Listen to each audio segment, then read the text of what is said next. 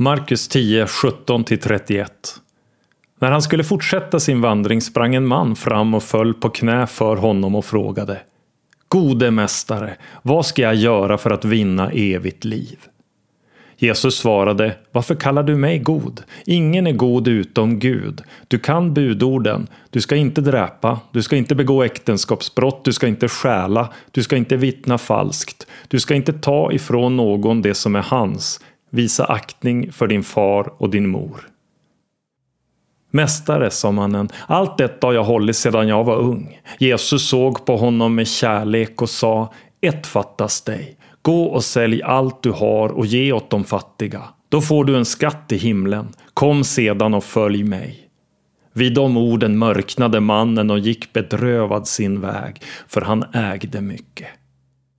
Jesus såg sig om och sa till sina lärjungar, hur svårt är det inte för dem som har pengar att komma in i Guds rike?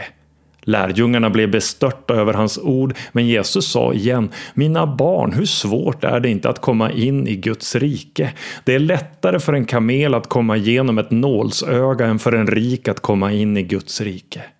Nu blev de ännu mer förskräckta och sa till varandra, vem kan då bli räddad?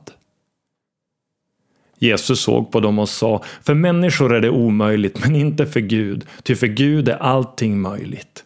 Då sa Petrus till honom, vi har ju lämnat allt och följt dig.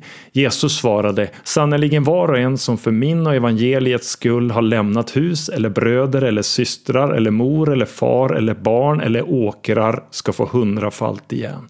Här i världen ska han få hus och bröder och systrar och mödrar och barn och åkrar mitt under förföljelser och sedan evigt liv i den kommande världen. Många som är sist ska bli först och många som är först ska bli sist.